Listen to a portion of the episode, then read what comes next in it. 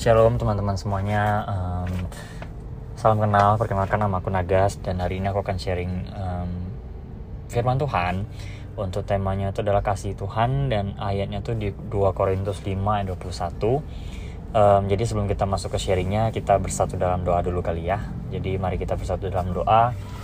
Bapak kami yang di sorga bahwa bersyukur Tuhan untuk hari ini bersyukur Bapak bisa mendengarkan kebenaran firman-Mu meminta bantuanmu Roh Kudus tolong bukalah hati kami ubah hati kami Tuhan seperti tanah yang subur Bapa supaya firmanmu Tuhan yang kami dengarkan um, dapat tertanam Bapa dengan baik dalam hati kami sehingga juga bisa berbuah Tuhan dalam kehidupan kami. Uh, berbicaralah Bapa hambamu siap mendengarkan engkau Tuhan di dalam nama Yesus Kristus. Haleluya amin. Amin amin. Oke shalom teman-teman semuanya. Um, Hari ini aku akan sharing tentang kasih Tuhan di 2 Korintus 5 21 ini ayat yang um, salah satu ayat favorit aku banget. Kenapa? Karena dari ayat ini aku ngerasain kasih Tuhan yang dalam banget. Jadi mungkin aku bacain dulu kali ya untuk ayatnya tuh di 2 Korintus 5 21 itu um, bunyinya gini. Dia yang tidak mengenal dosa telah dibuatnya menjadi dosa karena kita supaya dalam dia kita dibenarkan oleh Allah.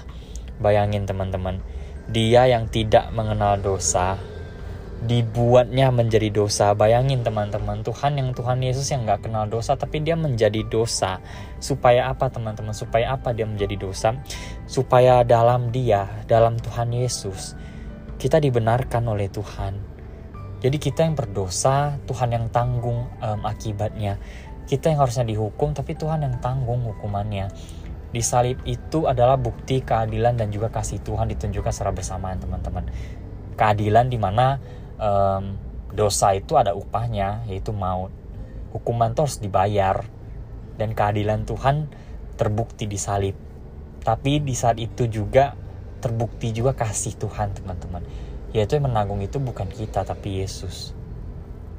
Dia pribadi yang nggak berdosa sama sekali, nggak pernah ngelakuin kesalahan, tapi dia yang mau menanggung dosa kita gitu.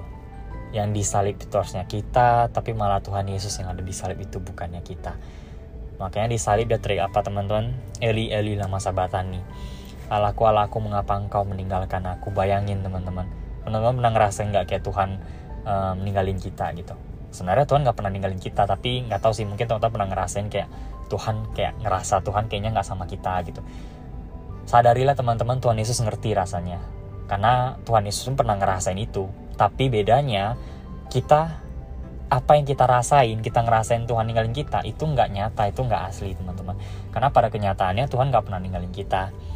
Dan nggak bisa kita andelin perasaan kita doang untuk membuktikan kalau Tuhan ada sama kita. No harus dengan iman. Karena karena ya bisa nyenangin Tuhan tuh dengan iman gitu. Firman Tuhan berkata seperti itu teman-teman bukan dengan perasaan. Jadi um, jangan sampai kita melupakan gitu loh teman-teman. Kebaikan Tuhan kasih Tuhan seperti temanya teman-teman.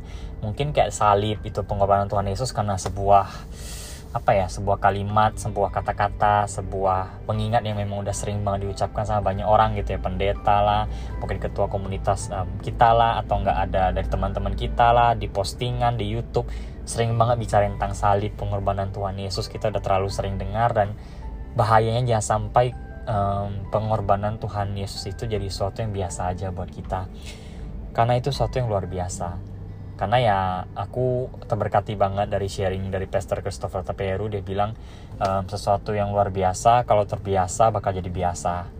Tapi sesuatu yang luar biasa dari Tuhan Yesus itu sesuatu yang luar biasa itu pengorbanan Tuhan Yesus saja nggak boleh jadi biasa aja buat kita. Meskipun kita harus sering dengar kita kita sering dengar kita sering baca kita sering lihat tapi meskipun keseringan itu harusnya nggak buat kita makin jenuh gitu. Keseringan itu harusnya nggak buat kita jadi um, biasa aja gitu. Nggak harusnya bikin kita makin sayang sama Tuhan jadi mungkin itu aja sih teman-teman pengen aku sharingkan. Um, dia Tuhan yang begitu baik Tuhan yang begitu luar biasa. Sampai dia rela menjadi dosa untuk kita supaya di dalam dia teman-teman kita dibenarkan gitu. Jadi memang nggak ada yang lebih hebat nggak ada yang lebih jago nggak ada yang kurang hebat nggak ada yang kurang jago. No semuanya sama-sama manusia berdosa. Kita semua sama-sama manusia berdosa yang dibenarkan di dalam Tuhan Yesus Kristus. Mari kita bersatu dalam doa Bapak kami di surga bersyukur Tuhan untuk firman-Mu. Terima kasih untuk um, firman-Mu Bapak yang telah memberkati kami Tuhan pada hari ini. Um, mampukanlah kami Tuhan dan berikanlah kami kekuatan Tuhan untuk bisa menghidupi firman-Mu. Karena kami belajar Bapak nggak hanya jadi pembaca firman-Mu, pendengar firman-Mu Bapak, tapi jadi pelaku firman-Mu Tuhan. Supaya dalam kehidupan kami Engkau pun bisa dimuliakan Bapak. Karena fokus kami Tuhan sebagai anak-anak-Mu Bapak, sebagai hamba-Mu yaitu untuk memuliakan namamu Tuhan Yesus dan menyebarkan kebenaran firman-Mu. Terima kasih Tuhan, terima kasih Bapak bersyukur untuk hari ini. Um, kami naikkan Tuhan doa kami yang tidak sempurna hanya ke dalam tangan saja yang sempurna di dalam nama Yesus Kristus. Haleluya. Amin. Tuhan Yesus memberkati teman-teman semuanya.